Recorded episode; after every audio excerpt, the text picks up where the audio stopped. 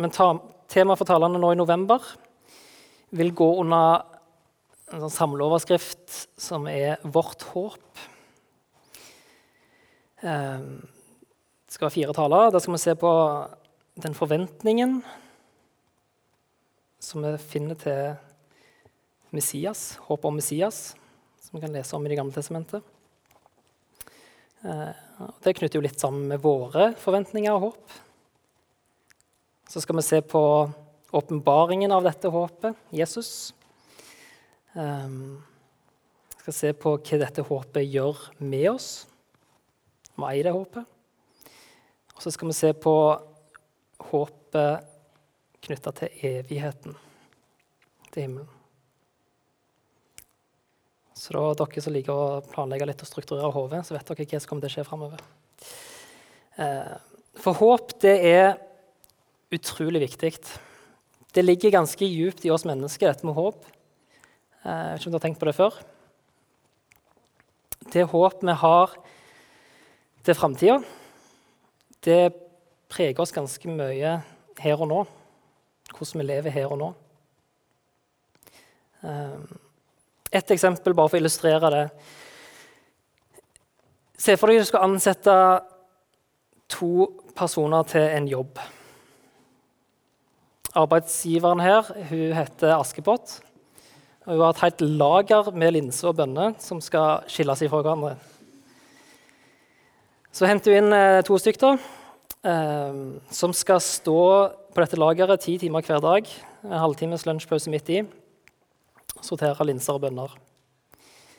Um, disse to personene de som blir ansatt, de er helt like på alle måter. De er like gamle, har lik utdannelse, eh, like friske like gode på å sortere. Eh, like låg slash høy terskel for å bli frustrert. Eh, like, ja, like arbeidsmotivasjon osv. Helt like. Eneste forskjellen på disse to det er at den første han får betalt eh, 100 000 for å fullføre den jobben. Eh, mens den andre får 100 millioner da, for å gjennomføre den jobben. Litt forskjell. Den første han blir rimelig fort lei av å stå med disse linsene og bønnene. Det begynner hele tida å veie opp. Er, er dette verdt det? Jeg vet ikke om jeg gidder dette mer. Blir ladere og ladere, irritert, lyst til å slutte. Mens den andre karen han, han skjønner jo overhodet ikke hva som er problemet med dette. her. Det er jo strålende. Eh, stortrives og plystrer og står på og koser seg. Fordi han har et håp om ei framtid. Jeg tror ikke det finnes så mange sånne lager. Men jeg tror du skjønner bildet. Jeg tror det kan gjelde litt for oss òg, i litt mindre skala kanskje. Våre valg til utdanning, yrke, eh, jobb, venner, relasjoner. Kanskje er det noen strategiske vennskap en har, i håp om at det kan kanskje bli noe mer. Um, vi er skrudd sammen på en sånn måte at uh, håp er noe som driver oss. Og dette gjelder òg i trua vår. Bibelen snakker ganske mye om håp. Håp er sentralt for Paulus når han skriver brev til de kristne menighetene. Håp er sentralt i Jesu undervisning. Vi kan se det i Bergpreken, f.eks. Salige de som prikk, prikk, prikk fordi de har et håp i vente. Og håp er òg gjennomgående i Det gamle testamentet, som vi skal se på i dag. Så når jeg satt vårt håp som tema for november, så var ikke det bare et tema opp av hatten, men jeg tror det er noe som er grunnleggende viktig for vår tro. Og det er grunnleggende viktig for oss her og nå i forhold til hvordan vi møter våre medmennesker. Og Det verset som ble sentralt for meg i dette, er det som vi leser i Jeremia 29, 11. For jeg vet hvilke tanker jeg har med dere, sier Herren. Fredstanker og ikke ulykkestanker. Jeg vil gi dere framtid og håp. Dette står i Jeremia-boka, en bok som er stappfull av formaninger fra Gud om å ikke glemme han. At folket må vende om. Midt i her så poengterer han dette. Jeg vet hvilke tanker jeg har med dere, og det er fredstanker. Og jeg vil gi dere framtid og håp. Jeg håper, håper at vi gjennom denne måneden her vil få enda mer øyne opp for det håp som vi leser om i Bibelen. At uh, vi kan få se enda mer av den framtida som Gud vil gi oss. Mm. Jeg må bare be litt til. Kjære far, takk for uh, at vi får være her i dag.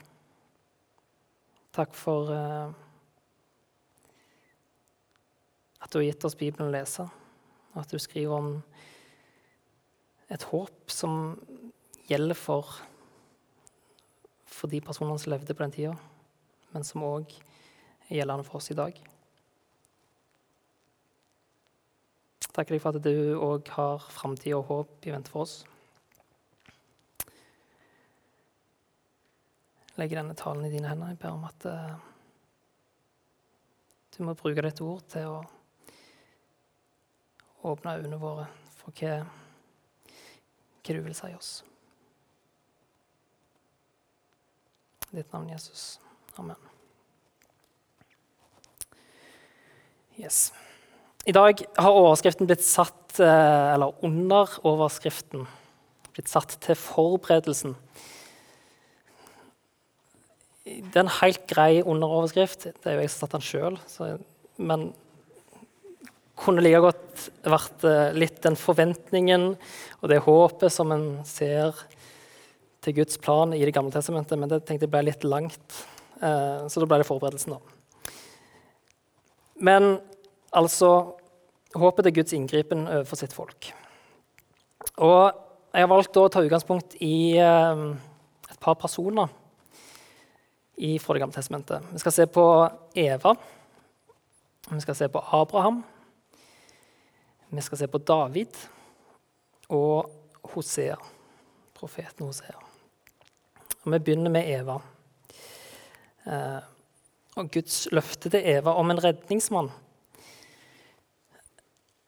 Litt sånn kort recap av hva som har skjedd i verdenshistorien fram til nå. Eh, det handler om at eh, Gud skapte verden med alt som er.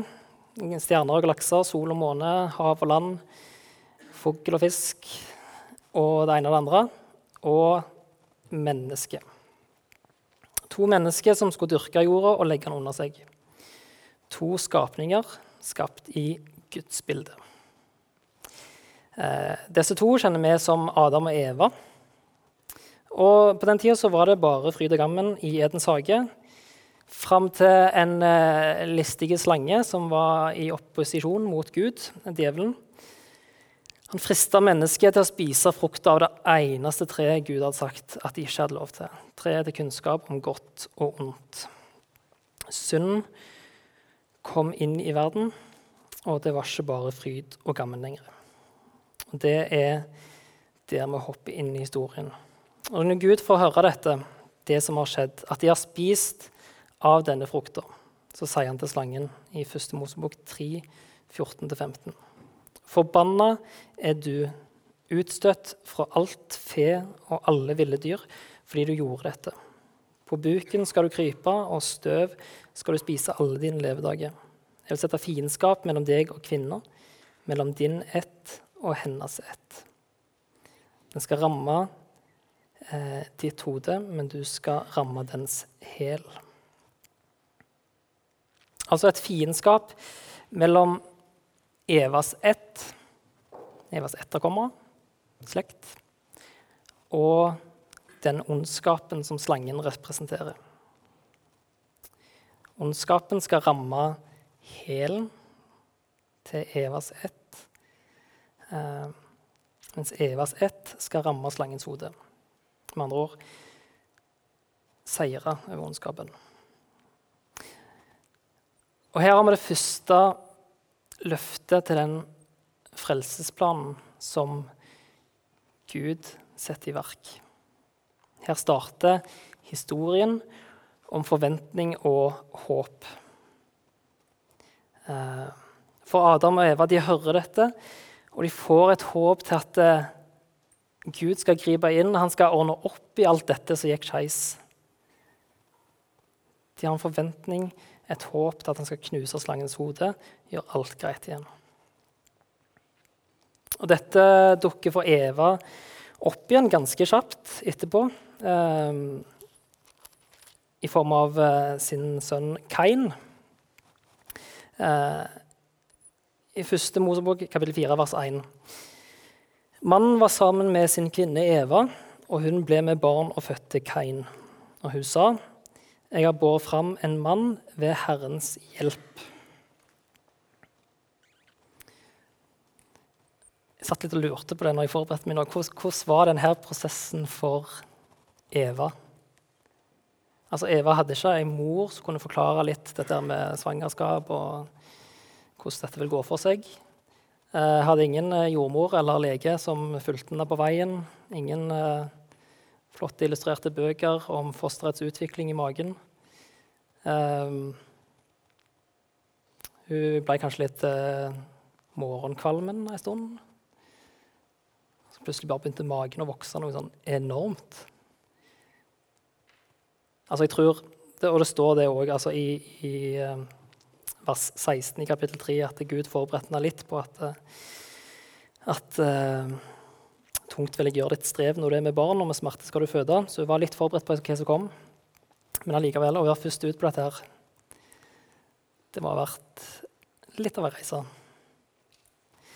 Um, men det er jo klart for Eva at den hendelsen med frukter som de spiste og løftet om at Gud skulle sende en av Evas ett for å ordne opp i dette. Det er jo ikke sånn fryktelig lenge siden det skjedde. Så det ligger nok ganske langt framme i hodet at uh, vi har blitt kasta ut av Edens hage nå, men, men, Gud skulle ordne opp i dette. Han skulle, han skulle sende noen av min slekt, en etterkommer av meg. Så fødes dette første barnet. Jeg tror selvfølgelig tenker jo Eva at nå nå kommer denne her som skal ordne opp i det. Um, tror det var en forventning til at det skulle være redningsmannen Kain. Navnet Kain det er et ordspill på det å bære fram eller det å skape. Eh, kanskje ikke i seg sjøl virker som en veldig sånn ærestittel, men hvis du tenker på neste sønn, da, Abel, hva det betyr det er et navn som har røtter til ordene for pust, forgjengelighet, falskhet, forgjeves og ingenting. Eh, så sånn sett så kommer Kain litt bedre ut av det, da, i form av navn. Så det sier kanskje litt om forventningene til hvem hun trodde Kain skulle være. Vi kan jo lese videre at Kain dessverre ikke ble den redningsmannen som var venta. Tida var ennå ikke moden. Og Der hopper vi videre til en annen kar, Abraham. Eh, en annen som hadde forventning og håp. Eller Abraham, som han heter først. Abraham får følgende løfte ifra Gud i 1. Mosebok kapittel 12, vers 1-3. Herren sa til Abraham.: Dra bort fra landet ditt og fra slekta di og fra farshuset ditt til det landet som jeg skal vise deg. Jeg vil gjøre deg til et stort folk jeg vil velsigne deg og gjøre navnet ditt stort. Du skal bli til velsignelse. Jeg vil velsigne de som velsigner deg, men den som forbanner deg, skal jeg forbanne. I deg skal alle slekter på jorda velsignes. Jeg vil gjøre deg til et stort folk. Og i deg skal alle slekter på jorda velsignes. Igjen en forventning knytta til etten, til etterkommerne. Og trofast som han var, så reiste Abraham av gårde. Eh, men tida gikk, og denne tallrike etter som Gud hadde snakket om, det så jo mer og mer håpløst ut. For eh, Abraham var barnløs på den tida, og han ble bare eldre og eldre. Eh, det samme gjaldt for kona, Sarai. Men Gud fornyer likevel løftet da, i kapittel 15, vers 2-6, der han sier Eller Abraham begynner med å, med å uttale sin, sin, tvil over dette her. Herre, min Gud, hva vil du gi meg? Jeg går jo barnløs bort, og Elieser fra Damaskus er arving til mitt hus. Og Abraham sa, du har ikke gitt meg etterkommere. Se, en av husfolkene mine skal arve meg. Og Da kom Herrens ord til ham. Han skal ikke arve deg, men en av ditt eget kjøtt og blod skal arve deg. Så førte han Abraham ut og sa til han, se opp mot himmelen og tell stjernene, om du kan telle dem. Han sa, så tallrik skal ett av de bli. Abraham trodde Herren, og det ble regnet til rettferdighet. Eh, og dette gjentar seg en siste gang i eh, kapittel 17, fra vers 1 til 8. Eh, der har Abraham nå blitt 99 år gammel. Blir bare eldre og eldre. Eh, på en måte så tror jeg Gud har litt sånn humor med å tøye den strikken. Samtidig så tror jeg han viser noe av det at det, sin storhet, og at det er han som griper inn. Eh, han sier det der. Jeg er Gud, den veldige. Lev for mitt ansikt, vær hel i din ferd. Jeg vil slutte en pakt mellom meg og deg og gjøre deg umåtelig stor. Um,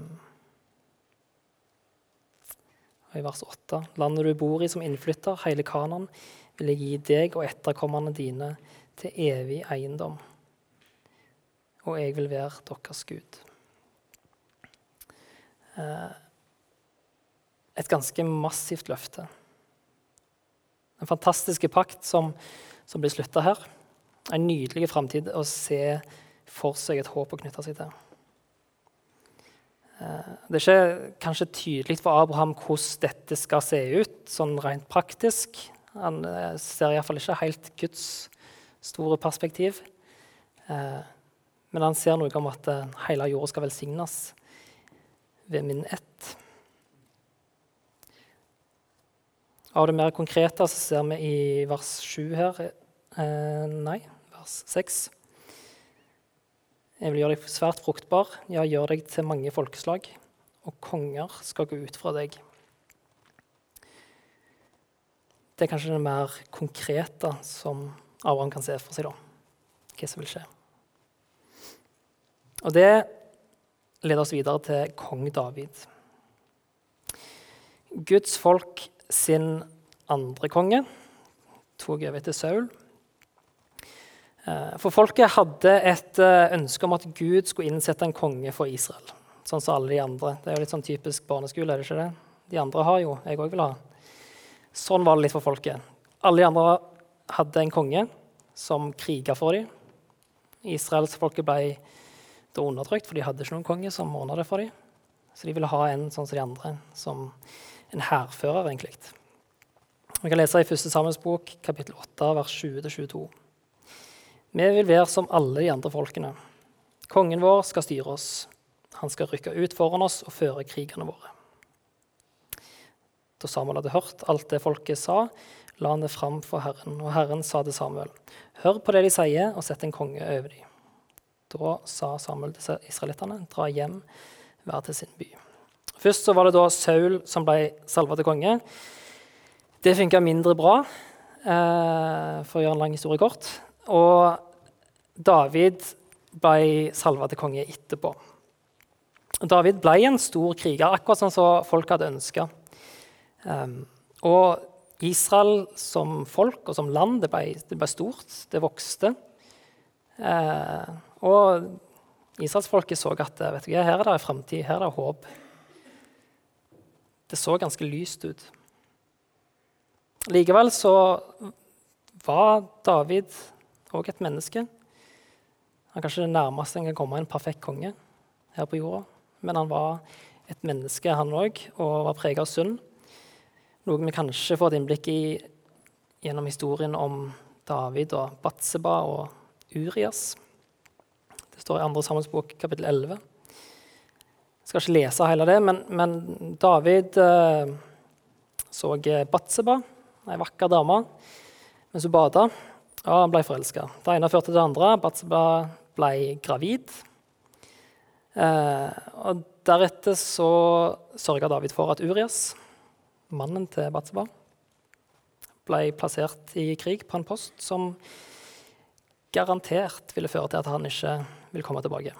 Han fikk egentlig mannen hennes drept. Um, så historien om David, som starter med det glansbildet med David og Goliat, som vi kjenner til Et bilde av den tilnærma perfekte kongen ender med dette. Og det ender med at Gud tillater at familien til David rammes av sykdom, rammes av død og intern konflikt.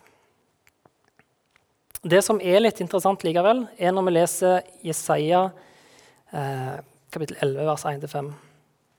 En kvist skal skyte opp fra Isais stubbe. Isai er da Davids far. Og et skudd skal spire fram fra hans røtter. Herrens ånd skal hvile over han, en ånd med visdom og forstand, en ånd med råd og styrke, en ånd som gir kunnskap og frykt for Herren. Han skal ha sin glede i frykten for Herren. Han skal ikke dømme etter det som øynene ser, ikke skifte rett etter det ørene hører. Han skal dømme fattige rettferdig. I rettferd skal han skifte rett for de hjelpeløse i landet. Han skal slå landet med sin munns ris og drepe de urettferdige med pusten fra sine lepper. Rettferd skal være belte om livet, og troskap belte om hoftene hans. Og videre i vers 10-12. Den dagen skal Isais rotskudd stå som et banner for folkene. Folkeslagene skal søke han, og hans bolig skal være herlig. Den dagen skal Herren for annen gang rekke hånden ut for å kjøpe fri resten av folket sitt, de som er igjen fra Asur, Egypt, Patros, Kush, Elam, Sinør, Hamat og fra kystlandene.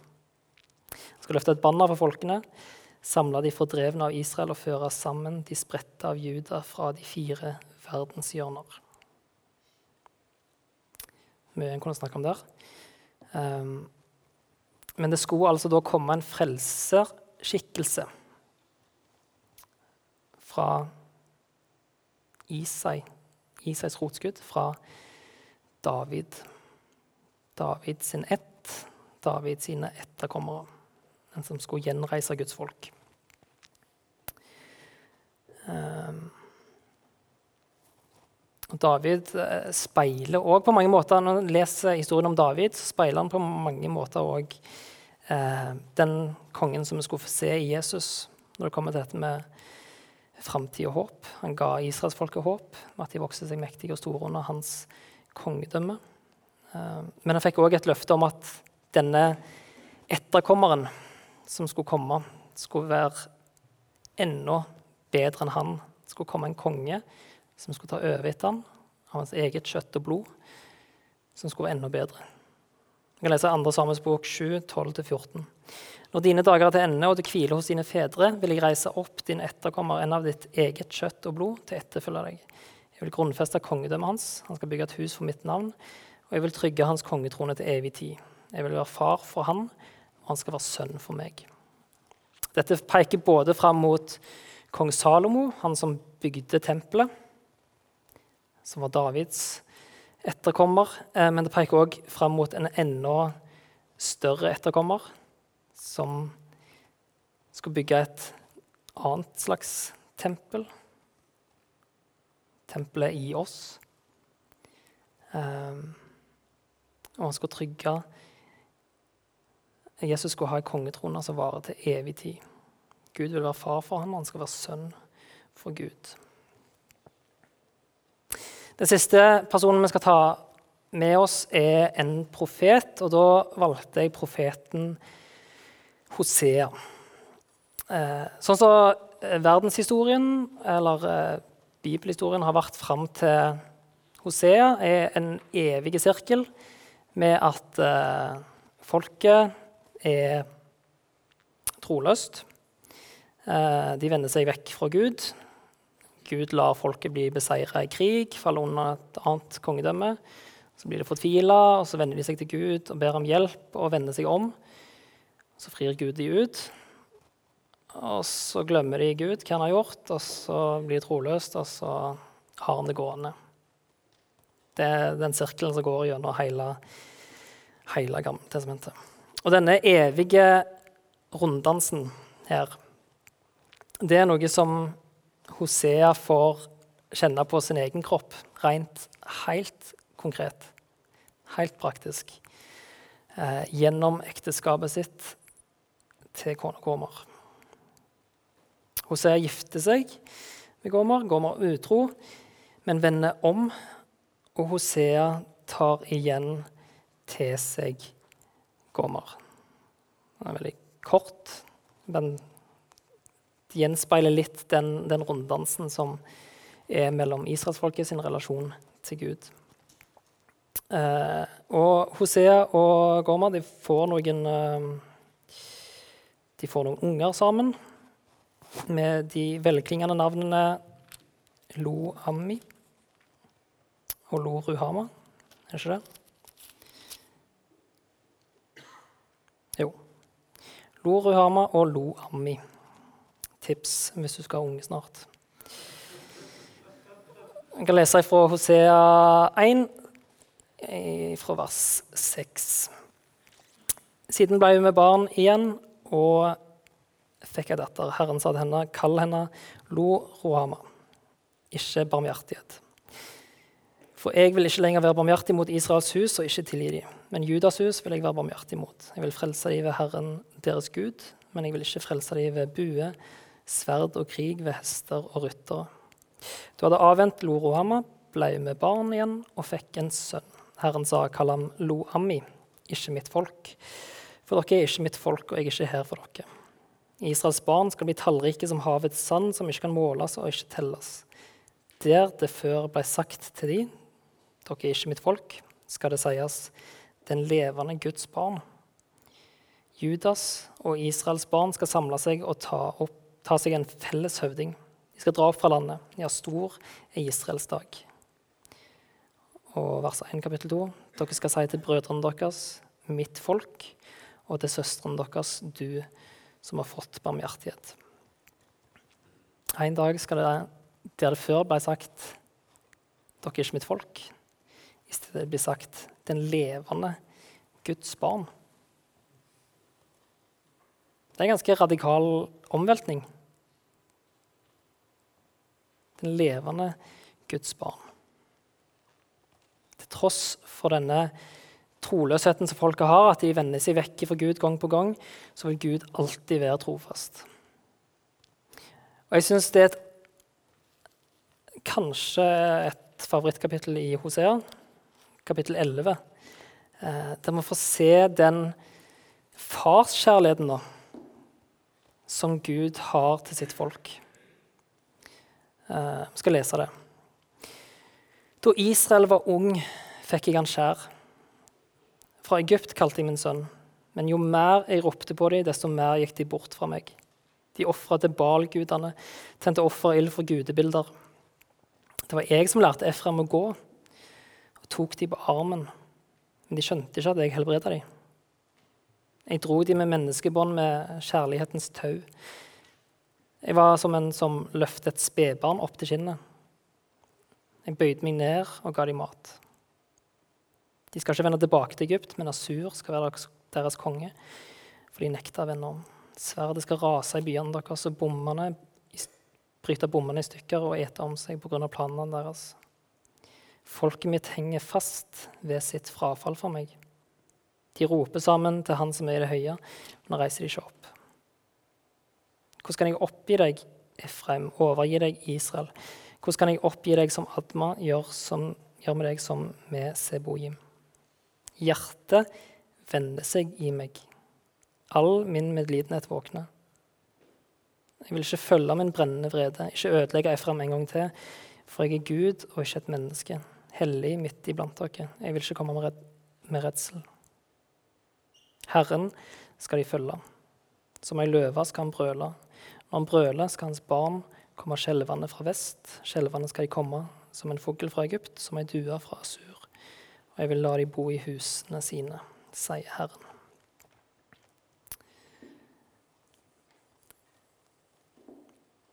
Jeg kunne også tatt med Hosea kapittel 14, men det kan dere lese på egen hånd med fint rygg. Men, men, Guds trofasthet eh, til at han vil fullføre sitt løfte. Til tross for israelsfolkets lange historie med troløshet og omvendelse om og om og om igjen, så er Gud alltid der og er trofast. Han har en så djup kjærlighet eh, som en som løfter et spedbarn opp til kinnet. En fars kjærlighet. Og han har en plan i vente for å redde sitt folk. Og nå har vi bare sett på noen få personer i dag. Eh, noen, eh, noen, folk som, som, har en forventning til Guds inngripen, til at Gud skal knuse slangens hode, ordne opp i det som i utgangspunktet ble galt. Eh, en ser en forventning gjennom disse folka sin, sin ett. Altså det skal komme noen etterkommere som skal ordne opp i dette. Overvinne ondskapen. Så kom en konge som var kongenes konge. Og det, det ble ikke den jordiske hærføreren som, som folket kanskje venta, men det ble en åndelig hærfører som seira over synd og seira over ondskap, seira over død. Eh, seira over djevelen. En dag skulle folket få lov til å kalles Guds folk og du som har fått barmhjertighet. Magne Vatland skal fortsette neste helg med fokus på åpenbaringen av dette håpet som vi finner i Jesus. Men hva har vi, hva har vi å lære av den forventningen vi leser om her, hos disse personene? Um,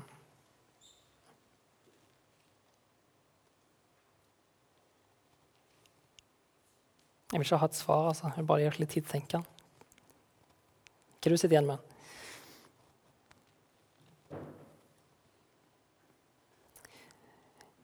Jeg har lyst til å oppsummere det for min del i tre stikkord. Gud er kjærlige, Gud er allmektige, og Gud er trofaste. Det første Gud er kjærlige. Gjennom Eva sin historie så får vi se frelsesplanen til Gud satt i aksjon. Han ga allerede fra starten av et kjærlig påbud om at dere må ikke spise den frukta fra treet kunnskapen godt vondt, for, det er ikke bra for dere. Samtidig har han en sånn kjærlighet at han, han tvinger det ikke på dem. Treet står der, og de velger da å se vekk ifra dette påbudet fra Gud, eh, spise av frukter. Allikevel så møter Gud dem med kjærlighet idet han sender dem ut fra hagen. Han sender dem ut fra hagen, for han vil ikke at de skal spise av treet som gir evig liv. For han vil ikke at de skal leve med den synda i den syndige verden til evig tid. Han har en større plan for sitt folk. Han vil frelse dem. Um, og Gud gir så et løfte om at ondskapen, djevelen, skal få knust sitt hode. Den skal bli beseira av en etterkommer av Eva. Gud er kjærlig. Og så er Gud allmektige. Han er allvitende og han har en større plan enn det disse klarte å se for seg. Han har en større plan enn det vi klarer å se for oss. Han har fått åpenbart i Bibelen mer om hans plan, både om Jesus og om det evige liv. Um, men det kan gjelde i våre konkrete liv her i dag òg. Abraham og Sara som får barn når de er om lag 100 år, det er mer enn det jeg tror de, eller som det står, at de hadde forventa at gikk an. Og det er mer enn det jeg tror vi klarer å forestille oss at går an. Uh, løftet om en Abrahams ett som skal bli til velsignelse for hele jorda. Og jeg tror vi kan si det med sikkerhet at det som Jesus gjorde, måten han ble til velsignelse for hele jorda, det tror jeg var større enn det Abraham hadde sett for seg. David òg eh, som på mange måter en kan speile Jesus i, skulle få en etterkommer av David kjøtt og blod, så var han enda bedre konge enn han. Og Gud skulle trygge hans kongetrone til evig tid. Gud skulle være som en far for han, og han skulle være som en sønn. Kanskje jeg, tror jeg David kunne tenkt seg til en sønn som kong Salomo. At det skulle skje på den måten. Men jeg tror ikke David heller her så for seg storheten i Guds plan med kong Jesus. En konge som ikke bare beseira kongeriket og gjorde at riket vokste, men en konge som er den ultimate hærføreren, som beseirer djevelen, som beseirer døden. Gud er alltid større enn vi kan se for oss. Og det siste Gud er trofast, noe vi i dag har sett på gjennom Hosea. Sjøl der folket var troløst, så var Gud trofast. Han tok imot dem med åpne armer, med tilgivelse, når de vendte om. Han skulle kalle dem sitt folk, og de skulle motta barmhjertighet. Og alt dette gjelder for oss òg. Vi trenger håp som mennesker, der vi begynte. altså. Det håp vi har, og de tanker vi har om framtida, det preger oss her og nå. Det håp vi har til Gud og den framtida som Han vil gi oss, det håp som vi har til Jesus som seierherre over synd, som herre og frelser. Det håpet vil prege oss her og nå. Og det håp vi har om ei framtid i en evighet med Gud, eller en evighet i fortapelse, det vil òg prege vår nåtid.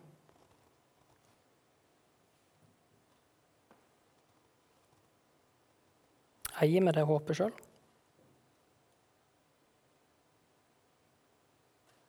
Gud har elsket oss så høyt at han helt fra starten av la en plan for å redde oss. En plan som var mye større enn vi kunne forestille oss. Og til tross for at israelsfolket den gang, og til tross for at vi i dag roter oss vekk fra Gud, eh, så står han alltid like trofast ved sine løfter. Han ber oss vende om til han. Så vil han stå der, trofast til sine løfter, klar til å ta imot oss. Eh, klar til å tilgi, ta oss tilbake og gi oss del i en evighet i himmelen med Han. Og det er et budskap til oss i dag, sånn som det er tenkt til òg israelsfolket. Jeg ber litt slutt.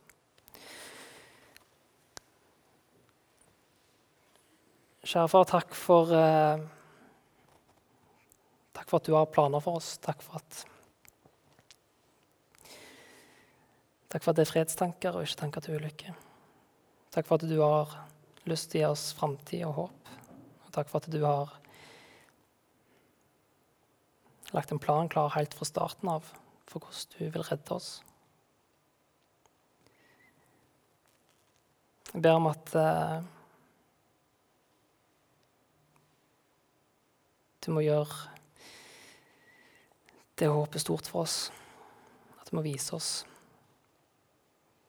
Gi oss mer innblikk i, i det håp som du vil gi oss. Jeg ber om at du må hjelpe oss til å vende om og vende oss til deg, til å ta imot den framtida og det håpet som du vil gi oss.